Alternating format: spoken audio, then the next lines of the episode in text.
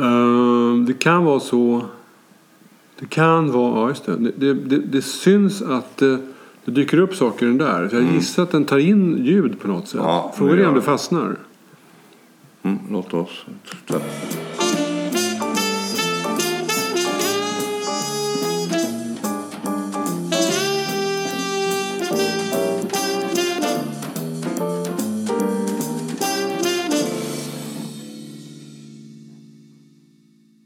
Det är klart som sjutton att vi alla låter oss oroas av eh, hot från Ryssland och otäcka manövrer med, eh, med eh, riktade mm, uppenbarligen mot någonting i Sverige. Även om man inte kränker Sverige eller, eller gör intrång så är det ändå så att det, det känns som en, ett ökat hot. Och då säger vi allihopa nu måste vi ha mer försvar. Eller nej, inte all, tvärtom. Några av oss säger vi måste ha mer försvar. Och tänk hur det var förr i världen när vi hade en av Europas starkaste flygförsvar och vi hade större andel av BNP och statsbudgeten gick till försvaret. Var det inte bättre då?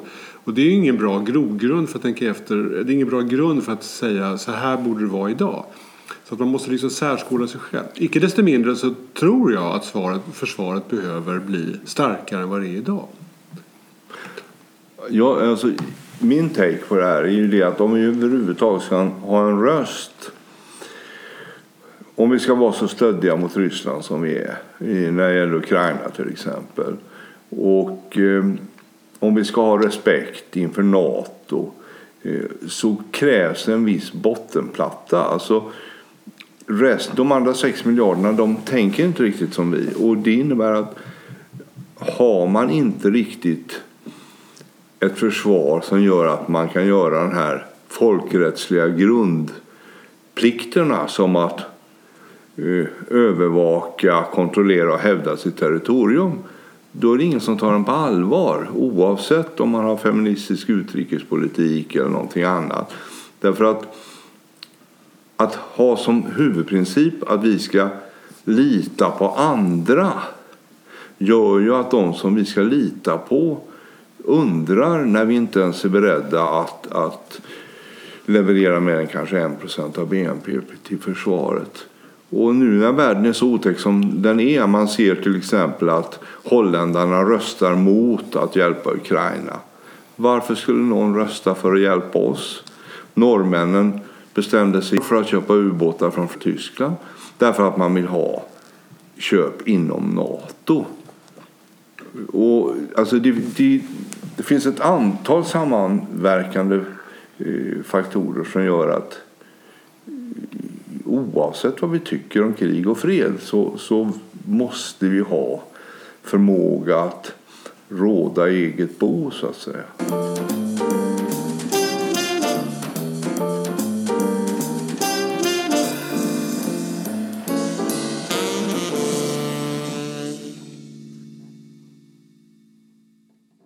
Vill ni, eh, det låter som att vi kan lägga den, den stora frågan egentligen åt sidan. Behöver vi ett större försvar eller inte? För att just nu eh, i denna stund så är vi båda eniga om att det behöver förstärkas. Och sen kan man ha olika skäl för det och olika grund för det. Men om vi lämnar det ehm, så delar jag naturligtvis din syn. Det är klart att vi behöver ett starkare försvar. Sen så Sen är ju frågan hur starkt ska det vara och kan man då, är det då bra att använda måttstocken eh, kalla kriget och 50-talet eller ska man använda någon annan måttstock?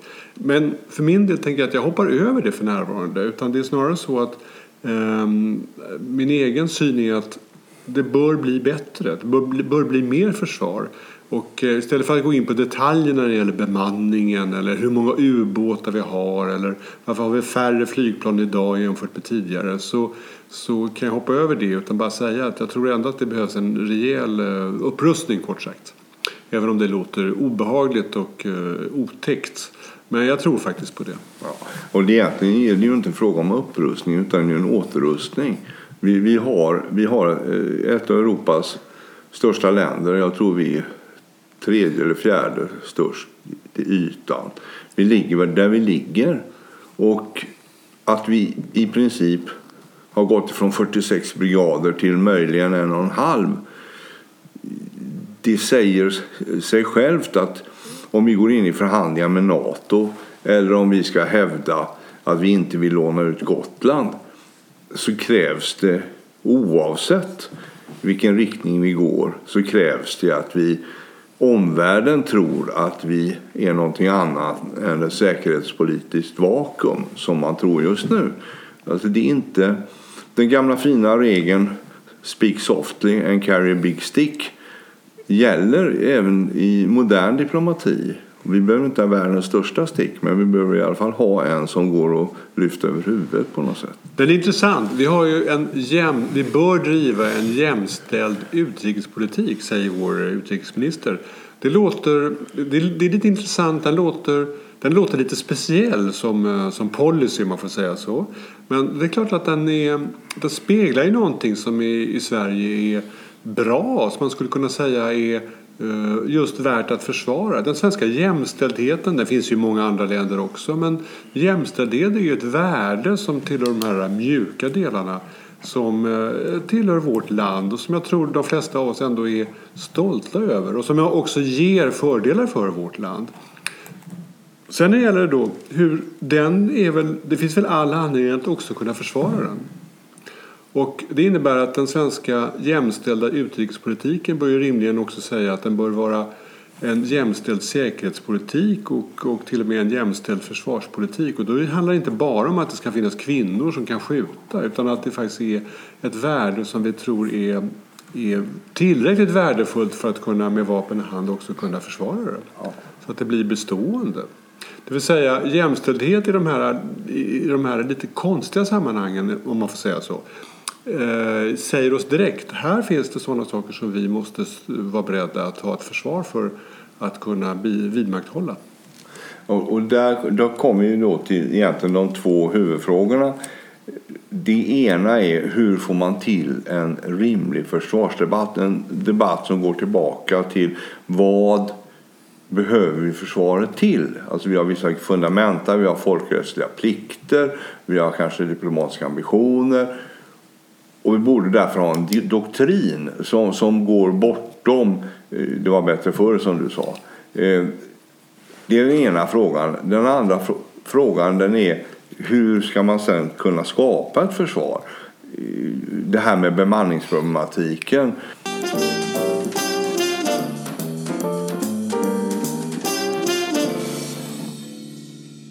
Det är intressant. Om man då fortsätter med, med jämställdhet så är frågan, finns det andra sådana här äh, värden som vi idag tycker är väldigt, väldigt viktiga och som därmed kunde leda oss in i äh, en rustningsdebatt äh, eller en försvarsdebatt. Och då tänker jag på sådana här saker som att vi är, vi är glada över att det finns lite innovationskraft i Sverige när det gäller IT till exempel.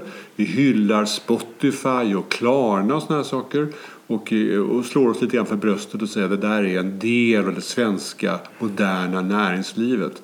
Um, vi, om igen, jämställdheten. Vi tycker också att vi är goda när det gäller att ta emot eh, flyktingar och invandrare och att vi och även om vi inte lyckas så bra så finns de i alla fall i vårt land och vi är inte beredda att kasta ut dem som vi tycker att andra är. Ja, det finns liksom mjuka saker. Och då säger vi så här, det finns säkert en lång rad andra sådana goda sidor av Sverige. Och då säger vi, de vill vi bevara. Skulle det kunna vara en väg för att säga till oss själva det gör också att vi måste rusta vårt försvar så vi faktiskt kan bevara dem, inte bara säga att vi vill bevara dem. Det finns ju yttrandefrihetsfrågor och liknande saker. Kort sagt, en lång rad mjuka värden som är värda att uh, se till att vi har ett försvar som vi kan liksom slå vakt om. Ja, det där tror jag är den riktiga vinkeln att börja i. Alltså det här, de grundläggande eh, ska säga, rättigheterna som vi har, yttrande och uh, åsiktsfrihet och sådana här saker. Som en aggressor naturligtvis vore helt ointresserad av att vi skulle få ha kvar. Tillsammans med möjligheten att ha ett folkhem och, och ha ett land som man själv råder i. Eh, alltså jag kan aldrig glömma hur det var att jobba i Tjeckoslovakien eh, på 70-talet när, när man levde i ett land tillsammans med människor som inte fick tycka vad de ville därför att det låg en stor rysk eh, garnison utanför Bratislava. Eh, alltså, den typen av situation, även om tjeckerna och slovakerna inte svalt då är det en situation som jag aldrig själv skulle vilja uppleva igen och jag ser absolut inte att mina barn skulle behöva uppleva det. Och Så att bara detta att få ha ett land att föra sin politik i borde vara ett värde stort nog för våra politiker att, att intressera sig för försvarsfrågan. Men är inte så att det är så främmande för oss? Därför att det, det har nästan aldrig hänt. Det har egentligen aldrig hänt i Sverige. Det är, på 1500-talet drev Gustav Vasa ut danskarna från en stor del av landet. Sen fortsatte vi några hundra år till att göra det. Och sen så har ryssarna varit i, i Roslagen och lite grann i Norrland och sådana saker. Men det har egentligen inte hänt att vi har varit riktigt ockuperade.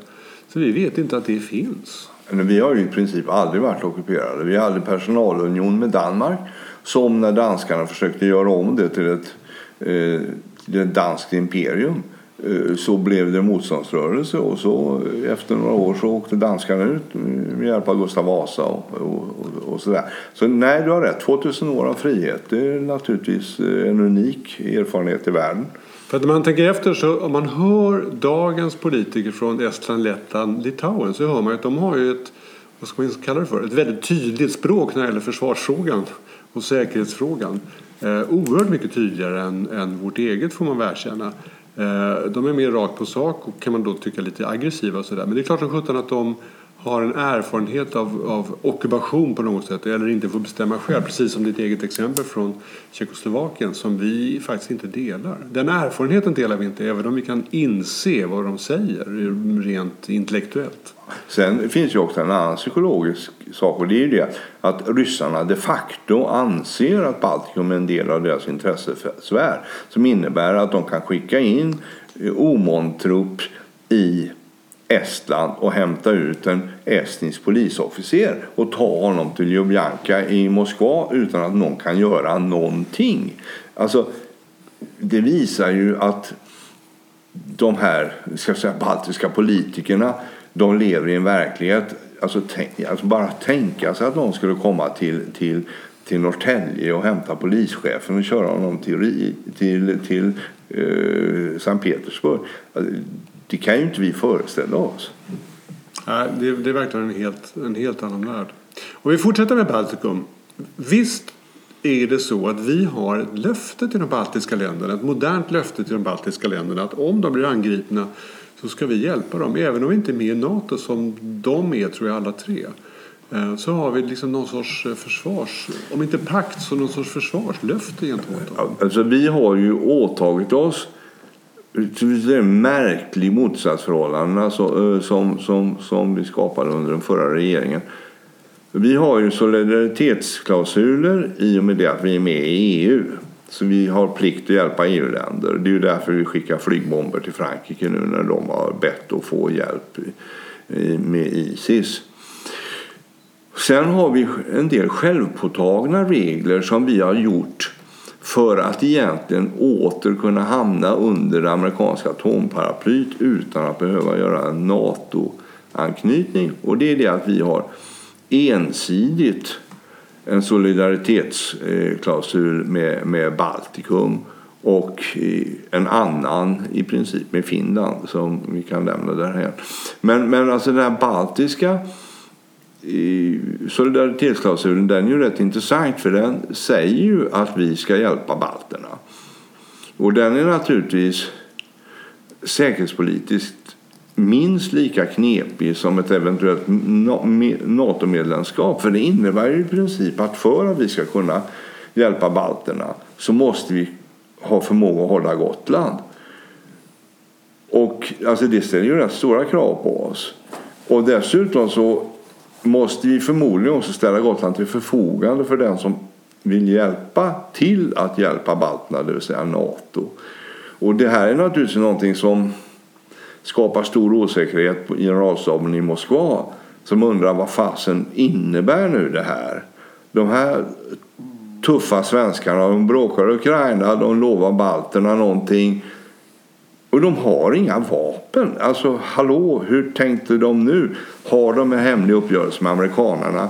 Eh, en fortsättning på den gamla uppgörelsen som vi fick med amerikanarna när vi avstod från att fortsätta utveckla våra atombomber. Eh, det är ju ingen som riktigt vet. va? Alltså, vår lagren i vår säkerhetspolitik är ju så många och till stor del så dolda ända sedan 1949 att det är egentligen ingen som vet. Jag undrar ens om vår, våra riksdagsmän vet vad vi, vad vi har för åtaganden i olika riktningar. Ja, men jag tror att den, den orsakar säkert förbryllelse.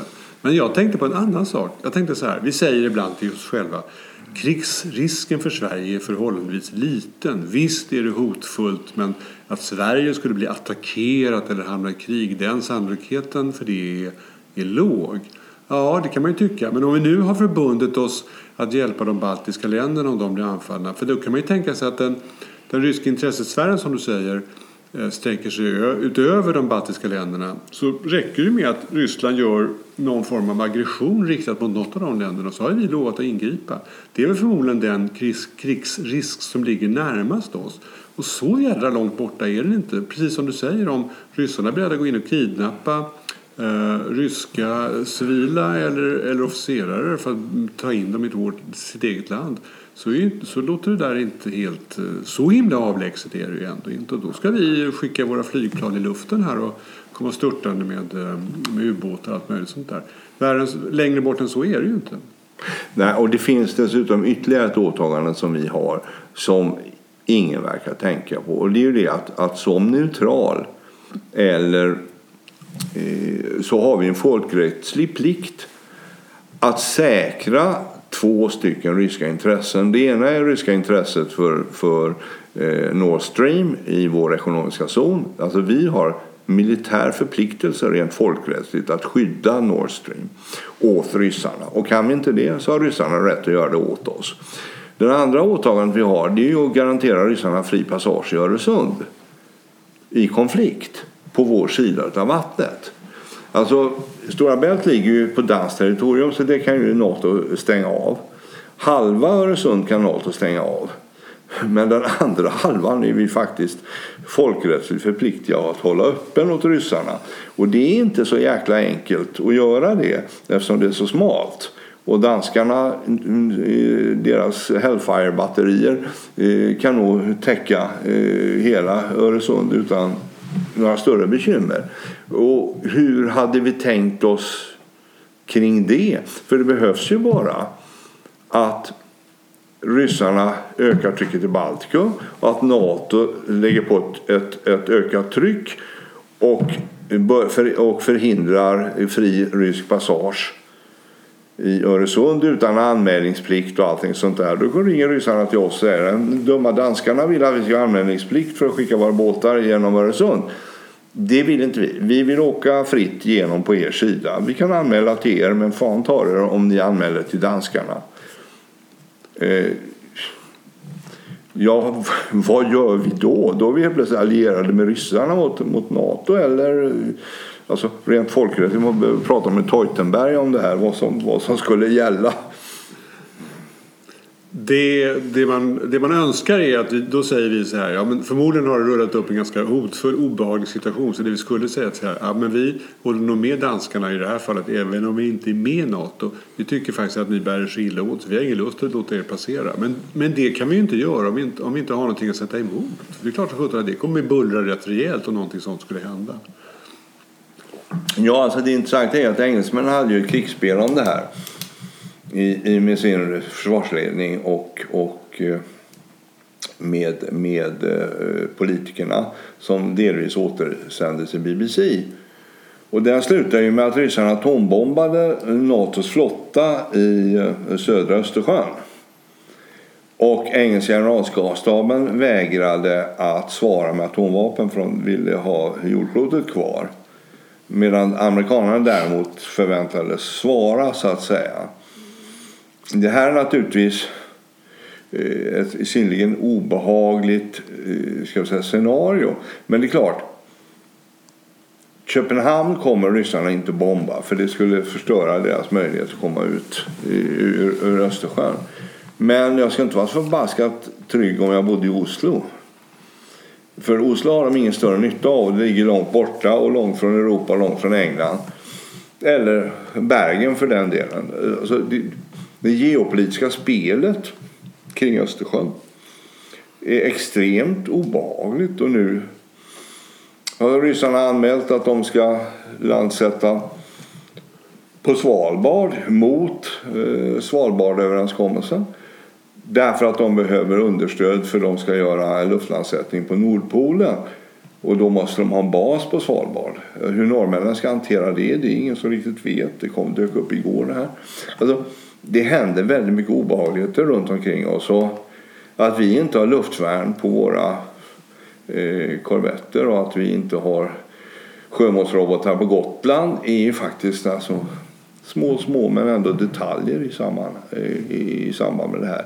Vi befinner oss, alltså den aktiva utrikespolitik som Bildt har fört och som Wallström nu för är inte realistisk om vi inte är herrar i vårt eget hus.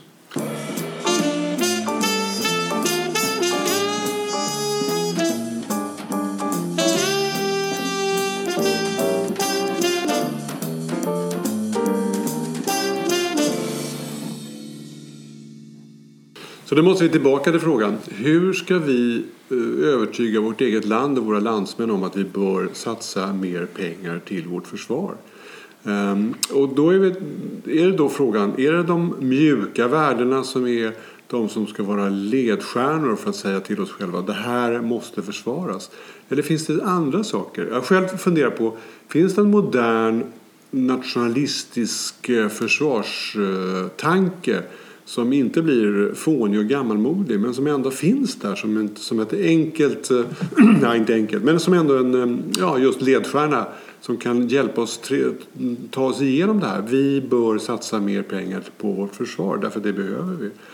Och eh, ja, Finns det en sån tanke? Ja, jag tror att den tanken måste bindas till de mjuka värdena som, som du säger.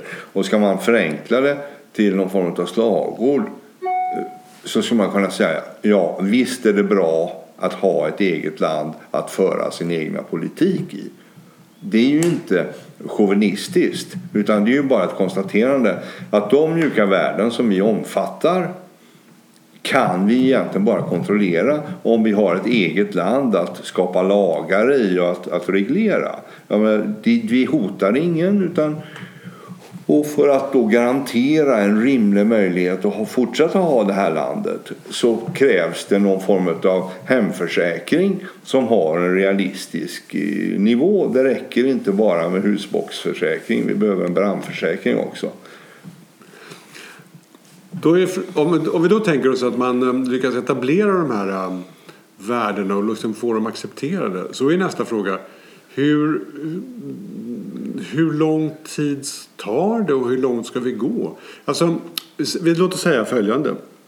På ett plötsligt egendomligt sätt så lyckas hela Sverige enas kring frågan. Ja, men vi har väldigt stora värden i vårt land. Vi vill bevara vårt oberoende och vi vill också bevara de här, de här värdena. Ehm, vad ska vi, då är vi överens om den saken. Hur mycket pengar ska vi satsa nu då? Och hur lång tid tar det innan vårt försvar blir så där eh, stort och bra som ni säger att det borde vara? Är det någonting man gör till nästa budgetår eller eller vad, vad, krävs det egentligen? Hur ska det gå till? Det läskiga är ju det att ledtiderna är väldigt långa när det att återskapa något som man har ägnat miljarder åt att lägga ner. Jag menar, det har inte varit gratis att lägga ner vårt försvar. Jag har investerat tiotals miljarder i att svetsa igen kanonrör och gjuta igen befästningar. Det har legat under radarn så det är ingen som har brytt sig om det men det är de facto en investering vi har gjort. Jag tror att det finns en väldigt enkel lösning på det här det är orimligt att komma tillbaka till 3,5 av BNP och sådär som vi hade på 60-talet. Men vi har en säkerhetsventil och den borde vi frigöra omedelbart och det är beredskapsreserven. Vi har 40 miljarder avsatta i en tänkt krisbudget för att snabbt kunna ska säga, återställa någon form av försvar.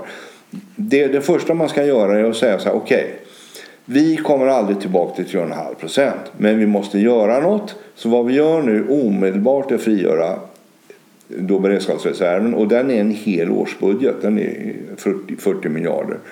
Det andra vi gör det är att säga det att okej okay, målet 2 procent som krävs för att man ska vara med i NATO kommer att ta lång tid att hamna på. Men vi bestämmer oss för att vi kryper så sakta uppåt. Vi har 1,2 procent 2016, vi har 1,4 procent 2017. Så vi är uppe vid 2 procent 2025 eller någonting sånt där. Och i och med det att vi frigör eh, beredskapsreserven så har vi förmodligen rådrum under så lång tid så vi lagt på en så stor summa. Och med den summan kan vi fixa sådana enkla saker som luftvärn till korvetterna, sjömålsrobotar på Gotland och en del sådana omedelbara behov. Men den stora utmaningen och det som kräver stor eftertanke det är bemanningen. Ska vi ha ett norsk modell? Ska vi ha en engelsk modell? Eller ska vi återgå till det gamla eh, folkförsvaret? Och, och den är inte enkel va? därför att det är väldigt svårt att bemanna med de löner och med de villkor och med de krav som ställs på moderna soldater. Alltså, nu en diskussion som pågår i försvaret är ställer vi för små krav på våra soldater i GMU-utbildningen för att de ska stanna? Egentligen är det väl så i folkdjupet gissar jag att det faktiskt eh, finns en önskan att vi kunde faktiskt ha ett, ett gammalt vanligt värnpliktigt försvar. Jag tror faktiskt att det är så.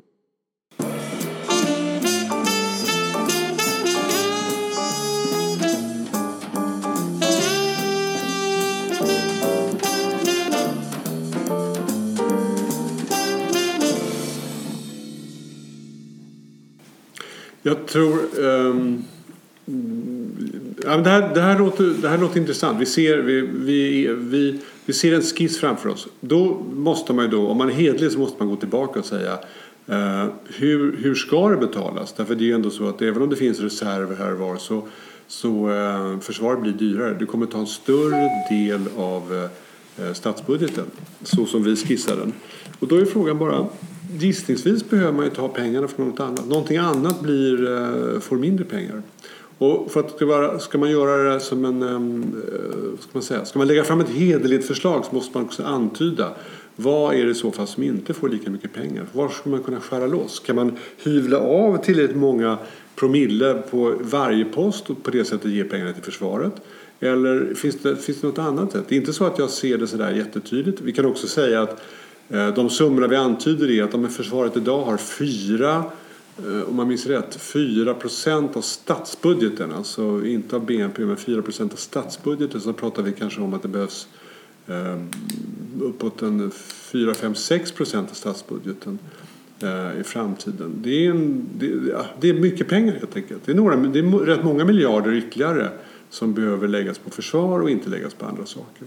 Uh, och det där är inte helt lätt tycker jag. Jag tycker inte att jag har något sån här självklart svar på den här frågan. Jag bara inser att man, man, om man ska vara hedlig när man diskuterar sånt här så måste man också ta ett huvud, tänka, tänka på den saken. Ja, alltså den första bollen, alltså det här med, med, med den omedelbara uppryckningen, eh, beredskapsreserven. Den förutsätts man ju låna till. Ja. Och eftersom det är nästan gratis att låna pengar just nu. Alltså, eh, svenska staten behöver ju inte betala ränta för att låna pengar. Så att, så att just nu är ett fantastiskt unikt läge för, för att göra det. Men sen, sen ska ju de betalas tillbaka någon gång i en framtid. Det, det är ju helt, helt klart. Men sen när det gäller den här upptrappningen från 1 till 1,5 procent över tid av BNP. Eh, så, så är det klart att en halv procent till det är då 20 miljarder om året.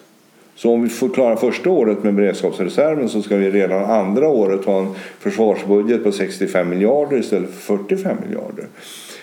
Och de 20 miljarderna måste ju då som vanligt antar jag skapa genom en kombination utav spara och, och, och eh, öka skatterna. Och där, där tror jag att, att eh, det går att, i och med att transfereringarna i Sverige är så oerhört stora, alltså bara ökningen utav eh, socialutgifterna är ju en halv, en halv försvarsbudget. Så att, att det går naturligtvis att, att skapa kanske 10 miljarder genom att ta en krona här och en krona där i den massiva transfereringskarusellen. Den andra är ju då skatteökning. Och en skatteökning för att få in i storleksordningen 10 miljarder Ja, det är ju inte särskilt. Det, alltså, det kan man göra av en kombination av bränsleskatter som man tittar på. Man kan göra eh, en procent på momsen. Alltså det, det, det, det går att göra utan att samhällsekonomin blir extremt lidande. Det som blir lidande, det är ju som du själv säger, det är ju alternativanvändning av de pengarna. För då blir det, de, de 10 miljarderna går ju inte till svenskundervisning av nysvenskar utan de går till försvaret istället. Och, och, och, det är ju en prioriteringsfråga och då är det klart att det här kan ju först ske i ett läge där politikerna har kommit fram till att det är så kul att ha ett eget land att vara politiker i så det är värt att göra det här. Eh, tycker politikerna att nej, nej, nu, nu kör vi så länge det håller och sen om vi inte har något land då är jag ändå pensionär så det spelar ingen roll. Det, det är ju ett annat case. Men, men jag, alltså, i och med det att det bara är 20, bara inom citationstecken är 20 miljarder så tror jag faktiskt att, att eh, eh, spara ihop hälften och skatteöka den andra hälften. Det, det tror jag vi kan göra utan att eh, skapa oreda i finanserna. Skulle det vara möjligt då att tänka sig en modell där om igen att själva försvarsfrågan i sig blir viktig för oss svenskar. Så viktig så att vi är beredda att eh, dra åt den egna svångremmen en aning. Därför att det innebär ju, skattehöjningar innebär att eh, nästan alla får dra åt lite, lite grann. Och minskningar i de sociala mm, bis, bi, tillskotten eller välfärdspengarna om man får kalla det så. Alltså de som inte jobbar jättemycket att de pengarna minskar. Det är ju samma sak. Det blir också en, en liten, liten åtdragning av svångremmen. I den, I den mest ideala världar ska man säga så här, det här är inte ens någonting som politikerna behöver bråka om utan de ser att i svenska folket säger man så här, ja men jag lägger, var och en av oss måste lägga tusen kronor eller hundra, nej inte riktigt, men alltså pengar till försvaret. Därför att vi måste ha ett starkare försvar för att värna vårt land och det som, vi, som finns i vårt land. Då blir det hela ganska enkelt. Att det finns utrymme för det i Sverige och i den vanliga svenska hushållsekonomin, det är jag helt övertygad om. Egentligen skulle vi inte behöva minska någonting mer än den alldeles vanliga svenska, eller alldeles vanliga privata konsumtionen. Så skulle det här fungera. Det, det slår visserligen i på handel och sådana här saker, så det är inte så att det inte händer något.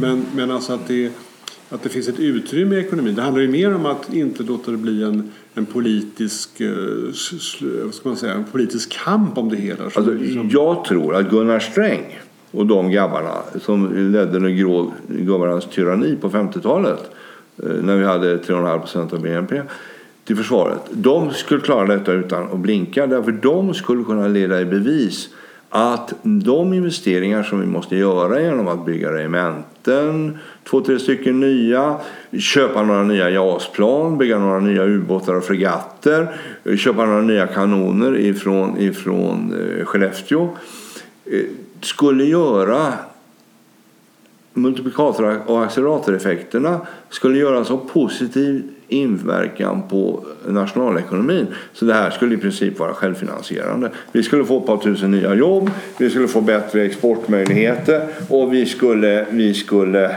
eh, alltså eh, lite nya pansarvagnar från Skellefteå och, och några fyra ubåtar istället för två. Eh, 30 JAS-plan till en väldig massa eh, byggarbetare som ska bygga i Sollefteå. Jag menar, det, faktum är det att, att vi finansierade ju detta extremt dyra försvar i detta lilla, lilla land där folk hade en levnadsstandard som var en tiondel av vad vi har idag. Just på att vi lyckades lura omvärlden och köpa grejer av oss och att vi, vi byggde själva. Va? Kanonerna, alltså varenda artilleripjäs vi byggde i Sverige finansierades ju av indierna som köpte ett par hundra. Det är klart att om vi kunde försäkra Sverige om att när vi satsar mer pengar på framförallt materiel och sådana saker så kommer de materielen tillverkas i landet så kommer, så kommer det stå en kö av glada kommungubbar naturligtvis eh, utanför kanslihuset och säga vajet, vajet, heja, heja. Och, så det kommer inresande bussar av glada människor från Karlskoga och Örnsköldsvik och Malmö och Linköping och sådana saker. Självklart. Så, så är det ju. Eh, den där är lite trixig för vi har ju samtidigt sagt att vi ska ha öppna upphandlingar och tillåta anbudskonkurrens från andra länder och andra företag och sånt där. Så man får väl manövrera lite även om vi alla jo, vet att den inte är helt Men inte där, där har vi faktiskt tagit I och med det vi har valt att inte vara med i NATO. Så fram tills dess att vi är med i NATO så har vi faktiskt rätt att vara lite egoistiska på det här området. För det går inte annars, helt enkelt. Den stora utmaningen det tror jag istället är, det är romantikerna i landet som är ganska många. De som säger att nej, vi ska inte exportera vapen. Nej, vi ska inte bygga vapen. Nej, vi ska inte öppna för ett militärindustriellt komplex. Nej, allting som har med det här att göra är obehagligt. Alltså, det är ju faktiskt så att vi har en debattnivå i Sverige som gör det att det är kontroversiellt att förse vakterna på kärnkraftverken med pistoler. Det har varit förbjudet fram till nu. Vi har haft kärnkraft i 30-40 år. Det har varit förbjudet med beväpning därför att vakterna av misstag skulle kunna skjuta någon eh, demonstrant som försöker klättra över ett staket.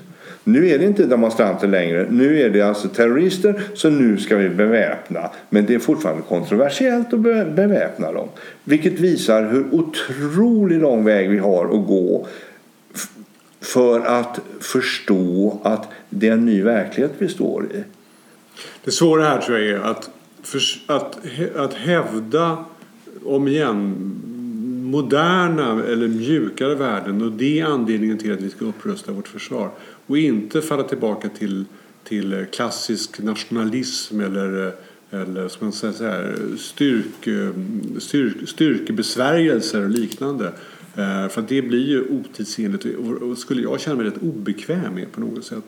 Men trots att jag vill att försvaret ska bli större så skulle jag, eh, och starkare så vill jag ändå att det ska kläs i i moderna ord och moderna termer. Den där är inte helt, eh, det är inte självklart tycker jag. Det är så lätt att hamna i att vi måste stå upp och vi ska slå vakt om och en svensk ska alltid försvara. Ja, det, det, tycker jag är så konstigt. Att, att vi, för jag hamnar lite i samma låda som du när det gäller det här. Va? Men samtidigt så har vi politiker som egentligen går ut på en tunn, tunn lina av risk och ger ensidiga garantier till våra grannländer som är stöddiga mot en stor, stormakt när det gäller principer i Ukraina som i och för sig är helt rimliga. Men, men som de egentligen inte har täckning för att kunna, för, för att kunna ge. Och, och det är ungefär som när 9-11, när, när flygplanen flög in i, i, i tornen i New York och min svärfarsa fick ett telefonsamtal på natten från regeringskansliet som, som bad att de, de fick inte ta på översten. Han var ju ställföreträdande bataljonschef för den bataljon som skulle försvara regering, riksdag och kungahus. Om de inte kunde mobilisera bataljonen. Och Rolf sa, men hallå, bataljonen la ju ni ner för fyra år sedan. Hur kan ni ringa nu? Jag är ju för fasen 70 och, och, och, det gör att jag tror faktiskt att våra politiker inte vet hur illa det är. Den ena. Det andra är det att självklart kan vi bara rättfärdiggöra ett försvar med mjuka värden. Och detta, vi vill ha ett land att ha yttrandefrihet i, att ha välstånd i, att ha egen politik i. Och vi vill ha ett land som kan vara en trygg hamn för några hundratusen flyktingar. Och har vi inget eget land, det är ju ingen som vill fly till Ryssland. Det är ju uppenbart. Men då skulle jag vilja som en sista punkt faktiskt ta upp NATO-frågan. NATO-frågan finns ju hela tiden levande. Den är ju väldigt levande i Sverige just nu, det måste man ju erkänna. Eh, mycket mer levande än frågan om vi ska satsa mer pengar på vårt försvar eller inte. Vilket är lite lustigt. Hur som helst. NATO-frågan tycker jag, det är nästan för min del så att jag skulle kunna lämna den utanför idag. Jag tycker så här om vi går med i NATO, ja då måste vi förmodligen öka, vi borde öka våra anslag till försvaret. Om vi inte går med i NATO måste vi definitivt öka anslagen till försvaret. Så hur vi än gör så, spelar, så måste själva grundfrågan som vi håller på med nu, borde försvaret bli starkare och få mer pengar? Den besvaras med ja i båda fallen. Så för min del tänker jag att NATO-frågan är kanske en sån fråga som vi får för, till, för min del att jag skjuter den lite grann framför mig på något sätt. Va? Det ändrar inte grundförutsättningen för mig. Försvaret måste bli starkare. Ja, vi måste ha en basplatta som ger en viss handlingsfrihet, en tröskeleffekt. Helt eniga om detta. Och NATO-frågan, tyvärr av en del politiker, drivs ju därför att de tror att det skulle bli billigare om vi var med i NATO. Vilket ju är en illusion.